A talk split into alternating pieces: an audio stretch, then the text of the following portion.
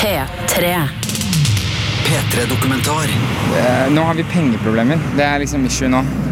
Og det er fuck jo hele greia. Hele prosessen stopper jo opp, liksom. P3. ble jo litt overbehandla òg, på en måte, i oppveksten òg, for han sa ofte 'mamma, jeg vil være normal'. sa han. At du vet liksom at du er en spøk for andre. Du er irriterende, du er en plage. Du er liksom i veien på en eller annen måte. Problembarn. En P3-dokumentar om å vise hva man er god for. Jeg heter Nora Brønseth.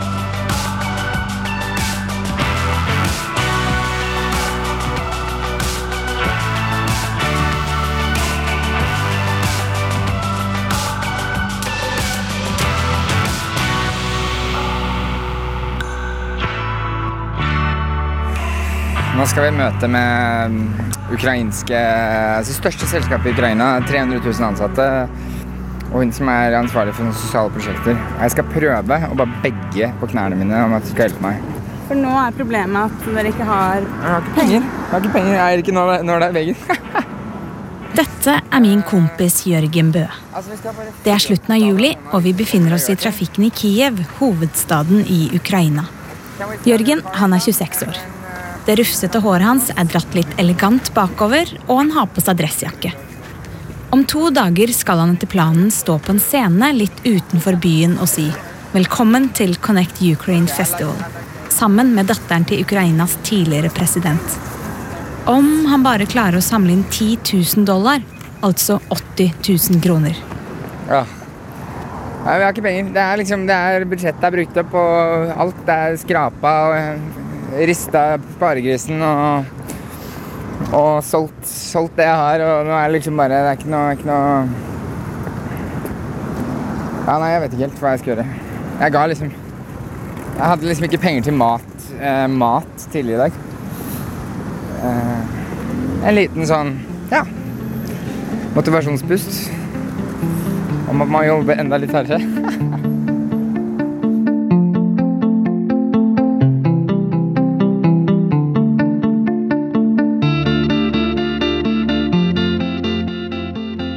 Hvis jeg sier ADHD, hva tenker du på da? Tenker du på han eller hun litt slitsomme som gikk i klassen din på barneskolen? Som trengte ekstra oppfølging, og som kunne bli skikkelig sinna hvis vedkommende ikke fikk vilja si? Vel, det gjør jeg. Eller rettere sagt, det gjorde jeg fram til jeg møtte Jørgen. Jørgen og jeg vi har nå kjent hverandre i omtrent fem år. Han er fyren som kan ringe meg klokka to på natta på en tirsdag for å fortelle meg om noe han har lest om på nettet i timevis. Jørgen er fyren som syns det er vanskelig å legge seg til vanlig tid. Som syns det er helt pyton å vaske sokker. Og som heller vil bli slått i trynet enn å skrive et referat. Jørgen er fyren som alltid har mange ideer, og som er høyt og lavt. Jørgen er han fyren som var så krevende i oppveksten at mammaen hans sendte ham på spesialskole. Men Jørgen er også han som åpner huset sitt for 100 couchsurfere som ikke har et sted å feire nyttårsaften. Og Jørgen er han som ble hotellsjef, helt uten utdanning. Men for å forstå litt mer om hvem Jørgen er, og hvorfor han forlot alt han hadde hjemme for å reise til Ukraina, må vi gå litt tilbake i tid. Altså, jeg ser for meg masse farger, smilende mennesker, altså, altså, inspirerte mennesker som møter likesinnede og tenker vet du hva, jeg er ikke gal. Det er slutten av mai, og Jørgen ringer meg for å fortelle at han har sagt opp jobben som hotellsjef. Han skal lage festival. I Ukraina. På bare åtte uker. Ja, du hørte riktig. Åtte uker. Altså, Har du fela på loftet, eller om du driver og skriver alene på rommet, om du, om du har en passion for musikk, om du har lyst til å starte drift. At Det er ingen som oppfordrer deg i livet til å gjøre de tingene. Vi skal bare oppfordre til det, legge til rette for det. Jørgen har nettopp vært på teknologifestivalen Catapult Future Fest og Oslo Freedom Forum. Han har hørt på mange snakke om hvordan man kan gjøre verden til et bedre sted.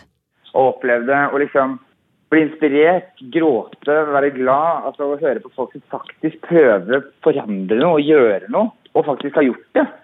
Jørgen får en slags åpenbaring. Han må slutte som hotellsjef og bruke evnene sine til å gjøre en forskjell for noen. Så møter han Sofia Jusjenko, datteren til en av Ukrainas tidligere presidenter. Han begynner å snakke med henne om hvor mye han elsker Ukraina. Om hvor forelska han ble i landet da han var der første gang for fire år siden. Om alle de smarte, spennende menneskene han møtte der. Og om hvordan ingen ser muligheter i det landet. Sofia er 18 år. Hun er akkurat ferdig på videregående og har nå sommerferie. Og hun kjenner også på behovet for å gjøre noe stort. Og dagen etter begynner de å planlegge festival. Men Jørgen har ikke fortalt noe til mammaen sin ennå. Altså, mammaen min er den dama i livet mitt som betyr absolutt mest for meg. Hvordan sier man egentlig til mammaen sin at man har sagt opp en fast jobb med stabil og god inntekt for å lage festival i Ukraina på frivillig basis? Jørgen har aldri arrangert festival før, og han har ikke så mange sparepenger å bruke, og han kan ende opp med en heftig gjeld. Det verste som kan skje, er at jeg, at jeg, at jeg, at jeg skuffer mamma skikkelig. Og at jeg på en måte blir starter masse jeg ikke klarer å holde i. altså Skuffe venner, skuffe folk. Bare at jeg, på en måte hyper opp en greie som jeg ikke klarer å gjennomføre. Men altså, jeg ser det så sykt klart. For meg så er dette her allerede skjedd i huet mitt. Shit, klokken er er alltid litt sånn fashionable late. Kan vi snakke litt senere? Ja, det kan vi. Redde, redde verden, tror du?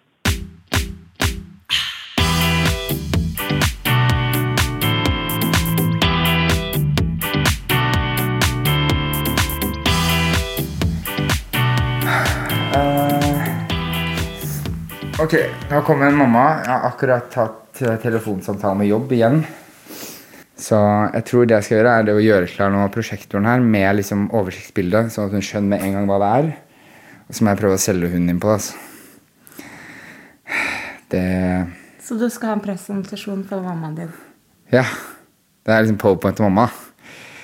Det er uh... ja, Men hun er jo en bra dame. Hun, eh, hun er det. Hun er, eh, men hun er også en som kjenner meg godt, og vet også Uh, Altså, jeg har kjørt på hardt tidligere og gått i veggen og liksom alt sammen, og det her krever ekstremt mye, så Men jeg vet også at hun vet eh, på en måte også hva jeg kan. Så, så det er bare det å klare å formidle at jeg klarer å bruke mine styrker til å få til dette her. Og det er egentlig det alt handler om. Så Nei, det det er spennende, altså.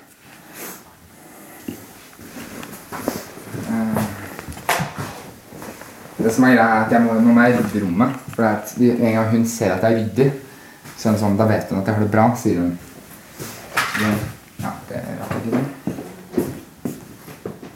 Mamma? Du får, det er Nora bare med mikrofonen. Nora? Hei, hei. Hei, hei. Nora, Hyggelig. Hei, forresten. Hei. Ja. Har du Hva lurer du på hva jeg har gjort nå? Om du sover, eller om du får nok søvn? Ikke de siste to gangene. Men uh, generelt så gjør jeg det. Uh, nei, jeg sa i utgangspunktet at jeg skulle vente med å si alt sammen, men det som i utgangspunktet er greia, er det at jeg har nå så å si 100 sagt opp jobben på dagen. Å ja. på dagen. Eh, siste liksom, fase av det er nå. Så jeg venter på Jørgen forteller om åpenbaringen han fikk for noen dager siden. Han forteller at han har møtt Sofia, at de allerede har booka et sted hvor festivalen skal være. Og han forteller at planen er å lage en tre dagers lang idéfestival, eller en co-creation-festival, som han selv kaller det. De skal samle 2000 mennesker til en slags workshop-festival. Det skal være internasjonale og ukrainske foredragsholdere, entreprenører, investorer og gründere. Og de skal gjøre det i Ukraina, fordi det er et land med muligheter mange ikke ser. Og hvorfor så kjapt? Jo, det må være utfordrende. Det må tilsynelatende virke litt umulig. Det er da det er spennende. Men dette her ser jeg, dette her håper jeg er min nye jobb. Ja, ja. Mm. At det er mål... Ja, Festivalgeneral. Ja. Å, kjære deg. Ja, ja. Det kan godt hende, det. Ja. Du liker det. Passer mye bedre til det. Da kan jeg bare være Jørgen. Det er det som er hele greia her. Det er det eneste jeg gjør. Jeg går bare rundt og bare bam, bam, bam, prater om ting. Ja. Og folk syns jeg er klin gæren, ikke sant? men nå, er det jo, nå begynner det å bli litt sånn Paske. Altså, maybe. Og jeg, for meg er det helt virkelig. Det skjer, det. Men jeg skal vise deg, jeg skal vise deg stedet. Ja. Jørgen setter på en promovideo som viser stedet de har booka. Velkommen til tidenes feteste festival.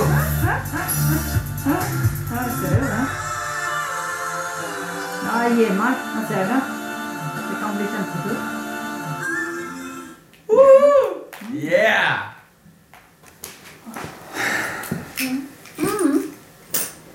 Må videre, men eh, jeg gir meg.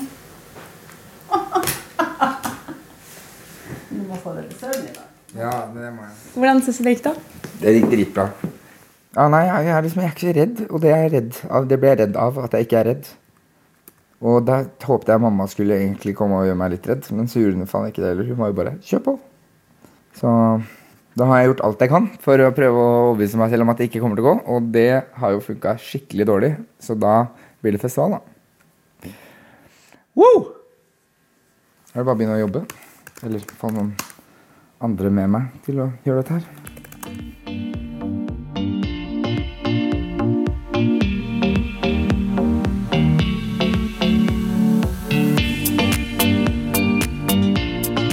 Han hadde jo tiltak på BUP, han hadde tiltak blant eh, terapeuter, og det var ikke måte på. Jørgen er åtte år. Han, mamma og pappa er på barneavdelinga på det som i dag er Ahus. Så satt vi jo rundt han eh, ganske mange terapeuter som skulle prøve, og da var han åtte år, skulle prøve å liksom få han litt på, på rett kjøl. Og da sprang han opp på ei tavle som sto der, en sånn flip-over. Og så sier han til alle de som satt der, eh, sosionomer, 'Jeg vet hvorfor jeg er her'. Ja, Så sier de, 'Ja, hvorfor er du her?' Så te- tegna han en sånn rund, bare en sånn rund krotetegning. Så sier han 'Jeg er her fordi at jeg er en stor dritt'. Det ble jo helt stille. Eh, Så de prøvde å fortelle at du, du er ingen dritt, det er ikke derfor du er. Ja, men dere skal tenke løsninger. Så han, han var hele tiden et hestehode foran oss alle. Og så eh, begynte han å prate litt, men han likte jo ikke dette her. Fordi han følte at han, han var for smart, så han så liksom spillet. Og jeg skjønte også med en gang at dette her går jo ikke bra. Så begynte vi å prate litt, kanskje ti, minutter. Jeg og faren, og så to sosionomer. Men så var det et, eh, en vegg med gardin eh, rett ved siden av dette kontoret. Så sier han jeg er helt sikker på at det sitter noen bak det speilet der. Og så sprang han opp, dro gardinet fra, og der satt det jo to med et kamera og skulle observere. Dermed var det ødelagt. Så kuppa hele møtet. Vi måtte bare avslutte. Sånn er han i et nøtteskall, altså. Jørgen er på denne tida han som setter himmel og jord i bevegelse, bare fordi han ikke får lov til å bestemme hva slags Lego SFO skal kjøpe inn. Mamma Rita blir letta over at han får påvist ADHD. ADHD er en oppmerksomhets- og hyperaktivitetsforstyrrelse, noe omtrent én i hver skoleklasse har. Personer med ADHD har ofte mindre dopamin i hjernen enn hos andre. Dopaminen påvirker vår evne til å lære og til å forstå at det er sammenheng mellom det man selv gjør og ting som skjer rundt oss. ADHD er en tilstand som stort sett blir beskrevet som et handikap, fordi folk med ADHD ofte har lærevansker, konsentrasjonsvansker og søvnproblemer. Men personer med ADHD er ofte mer kreative og har en evne til å hyperfokusere på det som føles interessant og viktig nok. M- mange forstår ikke hva ADHD egentlig er. Dette er lege og psykiater Anders Hansen, som i august kom ut med boka Fordel ADHD. Han mener vi må fokusere mer på de positive sidene ved det å ha ADHD. Og det man da har gjort er at man har liksom tittat for mye på problemen og hele tiden stilt seg frågan i hvilke situasjoner fungerer man ikke. Her må jeg bare beklage kjip telefonlyd. När jag tycker att man borde i högre utsträckning fråga sig när fungerar man då? Anders forteller også at alle mennesker har spor av ADHD. ADHD er ikke svart eller hvitt. Det er ikke så at man antingen har 100 procent eller ikke har alls, utan de fleste ligger någonstans midt emellan. Alle mennesker har drag av ADHD. Vissa har nesten inga sånne drag alls og en del har jättemycket sånne drag.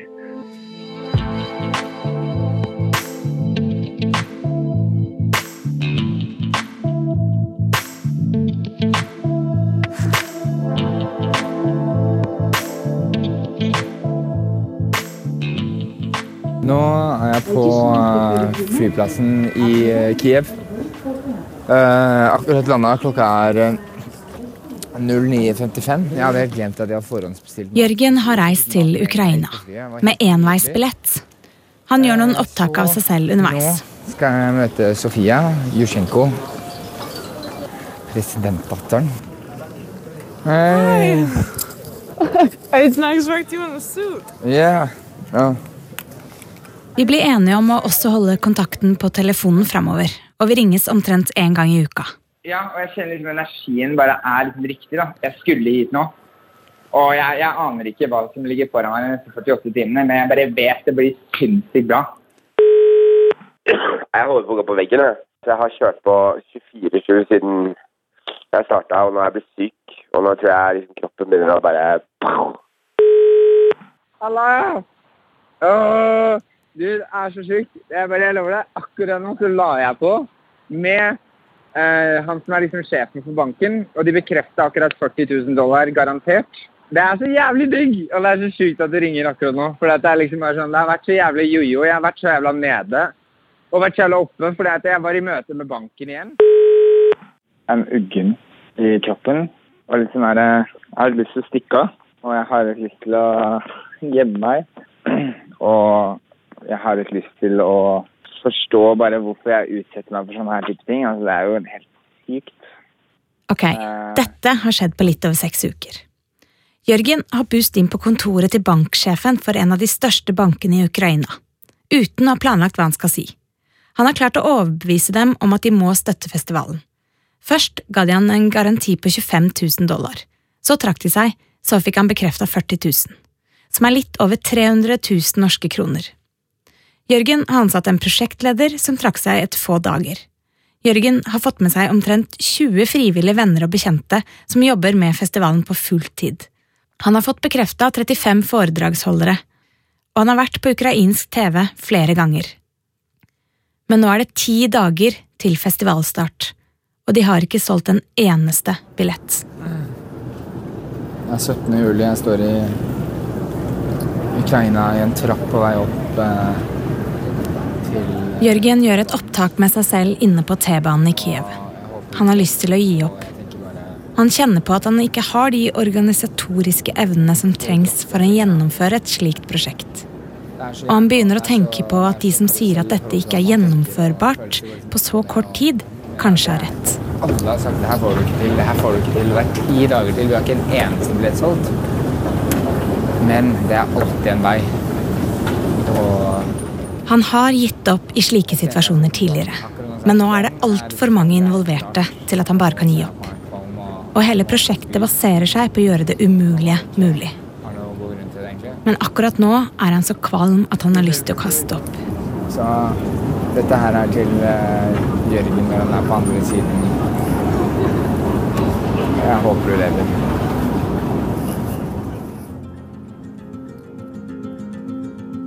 For å gjenta han selv, dette er til Jørgen på den andre sida. Jeg håper du lever.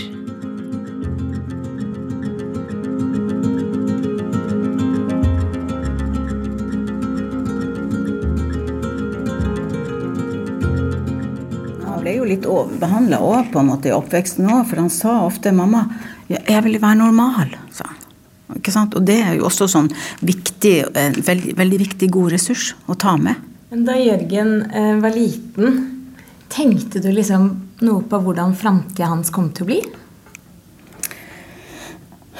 Det er et godt spørsmål. Eh, noen ganger så tenkte jeg Eller jeg tenkte alltid at han ikke blir noe A4-gutt. Det tenkte jeg. Eller et A4-barn. Han var altfor utfordrende til det. Eh, han var veldig smart. Helt ifra han var med meg og handle i butikken, så var han, eh, han veldig observerende. Observant. Fikk med seg alt.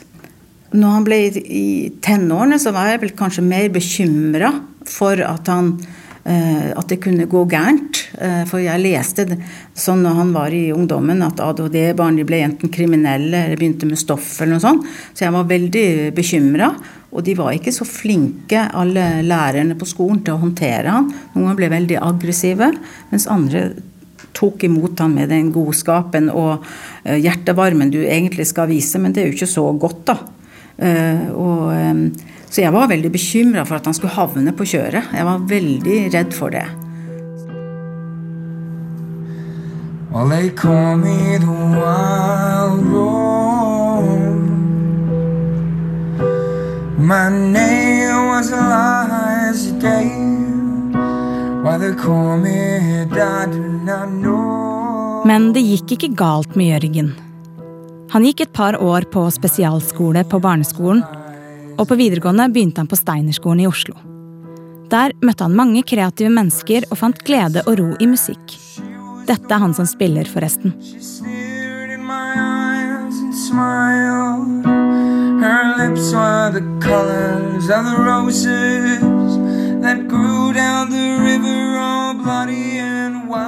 Han var også aktiv i politikken, og etter videregående prøvde han seg på et småselskap han kalte Fikseren. Ideen var at uansett problem kunne du ringe Jørgen, og han ville fikse det, ved å bruke kontaktene sine. Så en dag møtte han en som jobber på Best Western Hotel Gardermoen, som ble så inspirert av Jørgens engasjement til kundeservice at han rett og slett fiksa han en jobb som konferansesjef der. Og etter tre år på hotellet ble han hotellsjef, uten utdanning. Men nå er han altså i Ukraina, og jeg reiser ned for å møte han. Hvem er det du skal bli intervjua nå? Jeg aner ikke. Det er en eller annen fyr. Det eneste jeg har hørt, er bare at han er så tøff journalist. Vanskelig sånn Tydeligvis dritberømt her. Da blir jeg bare enda mer sånn Fuck, jeg skal ta ham, liksom.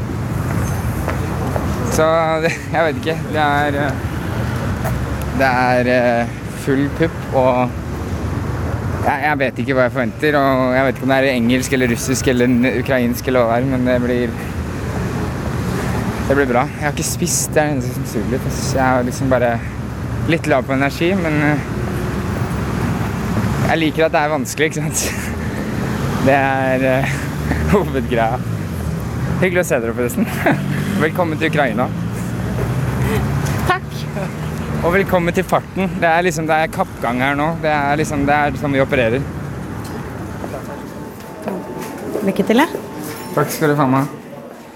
Э, Начнем. Дорогие друзья, у нас э, основатель фестиваля Connect Ukraine Йо- Йорген Бо. Hello. Jørgen har med seg en tolk han kjenner inn på intervjuet. Og han blir ikke redd for denne såkalte skumle journalisten, og svarer veldig godt for seg.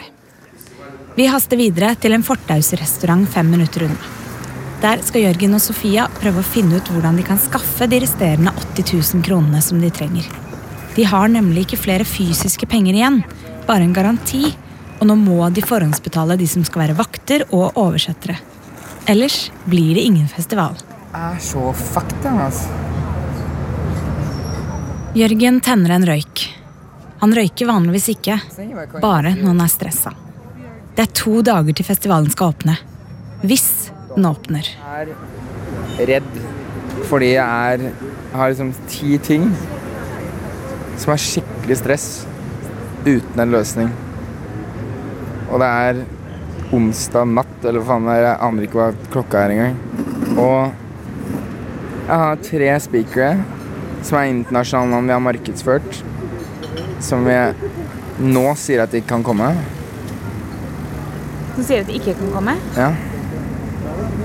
Som har vært på TV, vært på radio. Bare, ja, ja, kom og møt disse her. Og faktisk, jeg gleder meg så sjukt til å møte den personen. Og så har jeg Mangler jeg sånn 10 000 dollar eller hva faen det til å betale ting jeg må betale i morgen, så er det ikke Så gidder ikke å gjøre det. Gidder ikke å sette utstyret ut på riktig plass.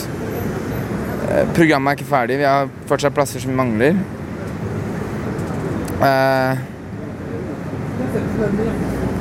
ja, jeg har nær nær problems, da. For å si det mildt. Hadde du sett for deg at eh, det kunne bli sånn her da du starta? Jeg ser aldri så langt. og Det er derfor jeg er så gæren å gjøre de tingene. Hvis jeg hadde skjønt hvor mye jobb og stress det var, så hadde jeg aldri gjort det, tror jeg. Men jeg velger å se endre sluttresultatet uten å tenke hele veien hvordan det kommer til å bli.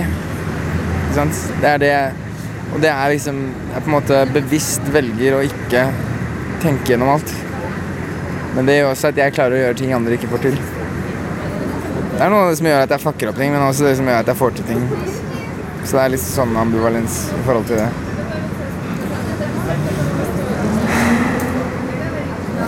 Sånn at jeg aner ikke. Jeg aner ikke.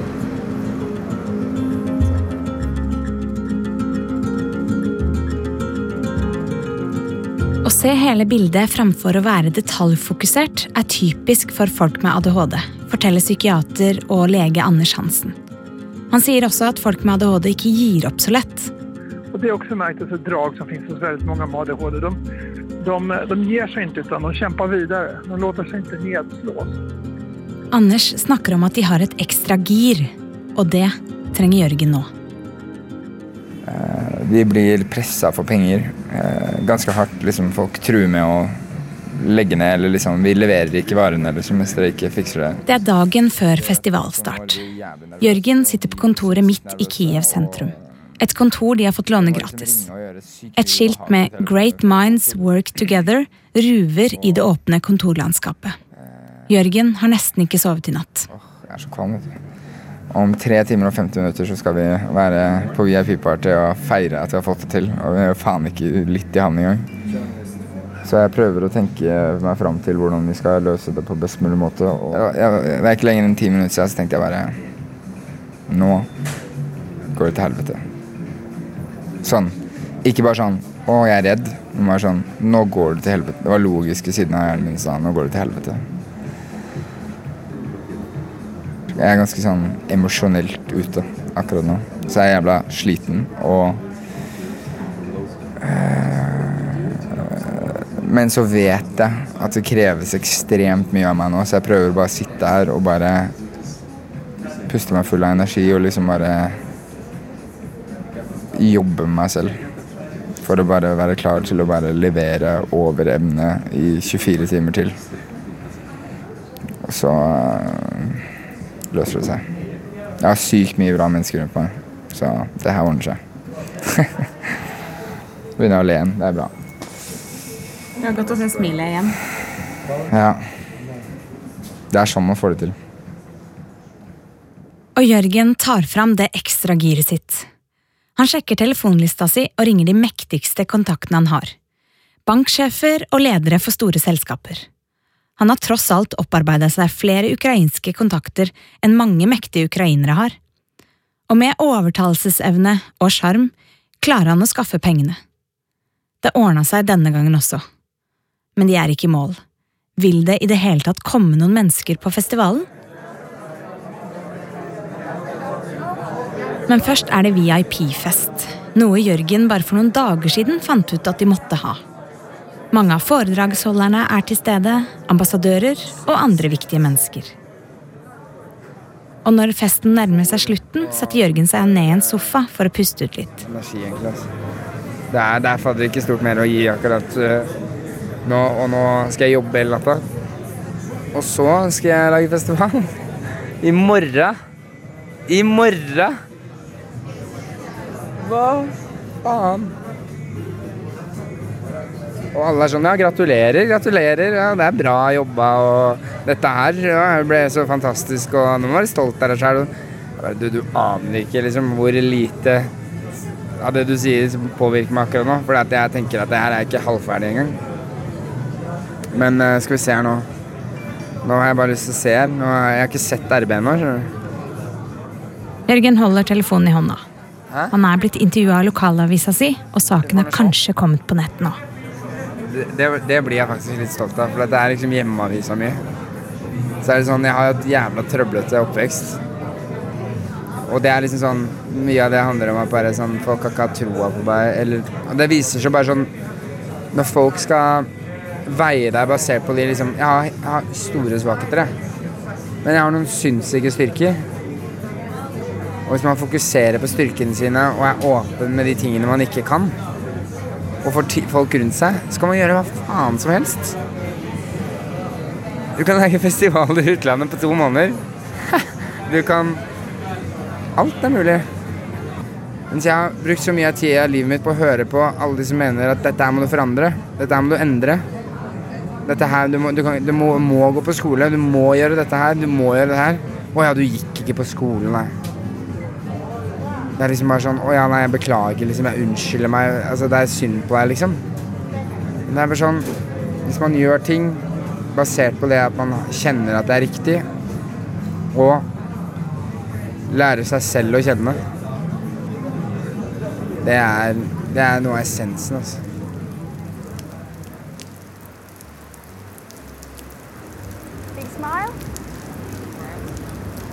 How are you guys feeling?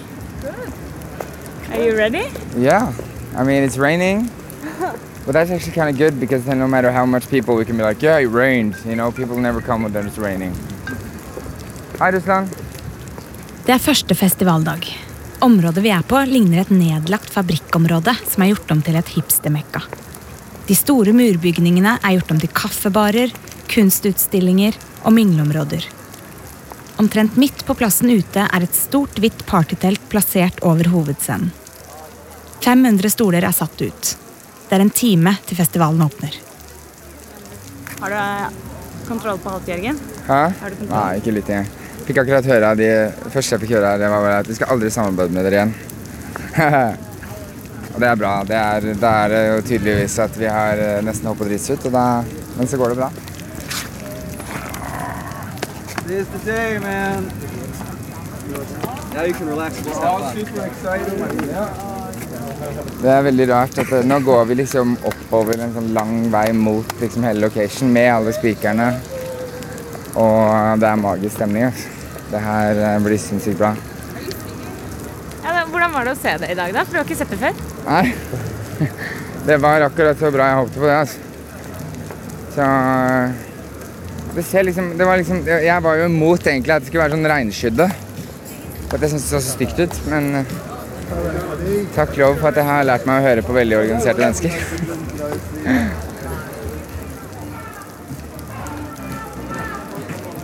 Og til tross for regnet fylles stolene opp av gründere, investorer, idémakere og andre festivaldeltakere. Og så går Jørgen opp på scenen.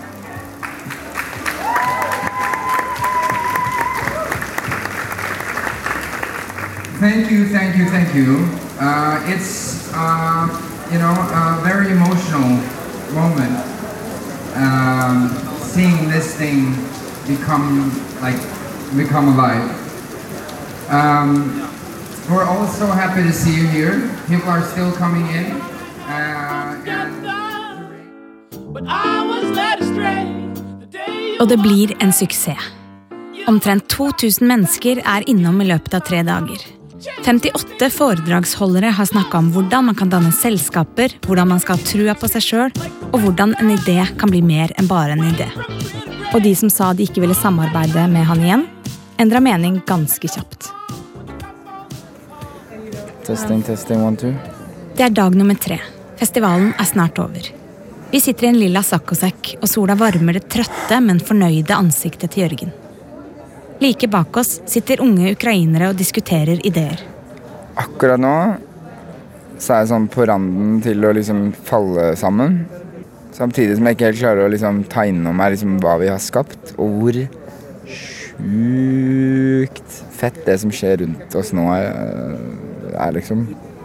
Vi hadde et superambisiøst mål om å klare å, å få folk til å skape ting sammen. Du har ikke lyst til å gå tilbake til en normal hverdag i Norge? Ikke faen! Nei, ikke i det hele tatt. Og ikke bare det, men at det er bare sånn Hvis det er én ting som er sikkert, så er det sånn derre Jeg har klart å jobbe med mine styrker. Jeg har klart å dyrke de. Jeg har lært utrolig mye av den jobben jeg har gjort som, på hotellet. Det er bare sånn, det har lært meg for at jeg har gjort som jeg ikke kan. ikke sant? Jeg har driti meg ut så mange ganger. At jeg har lært meg selv å kjenne. Og jeg har vært gjennom en prosess i livet mitt som har vært, jeg tror gir meg unik livserfaring til å kunne identifisere meg med andre. Jeg vet hvordan det er å føle seg dritt og ha sykt lav selvtillit.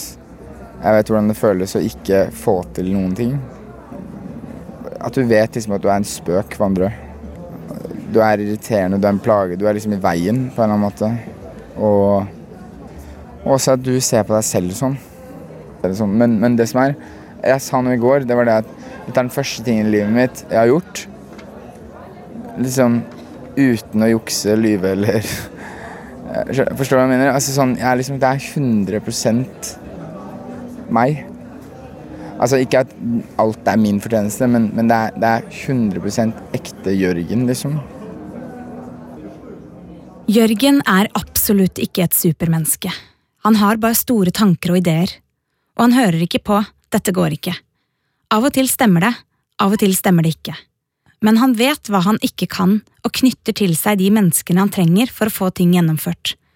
Og han fungerer best når han ikke har tydelige rammer. Jeg, har ikke, jeg har ikke lyst til noe negativt om min forrige jobb. Men til slutt så var det sånn Jørgen, eh, du må skrive en rapport om hva du gjør hver dag. Eller ukentlig hva du gjør, så at vi forstår hva du gjør. Så det er sånn, Jeg kan ikke forklare hva jeg gjør. Det er sånn, Hvis jeg begynner å bruke tida mi på å forklare, så blir jeg bare sånn, da får jeg sånn skrivestopp. Blir en kreativ stopp. Så gjør jeg ingenting. For at for meg så er det ikke viktig. Og det var en som sa en ting.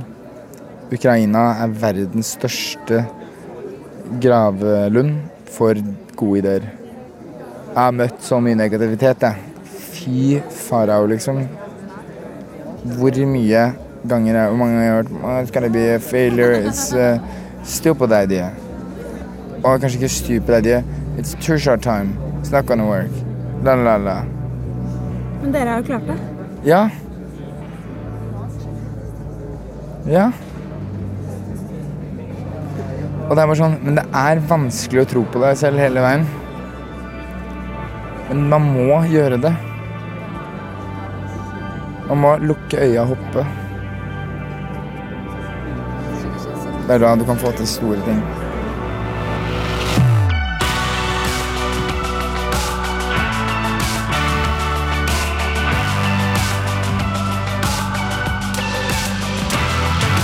P3-dokumentar.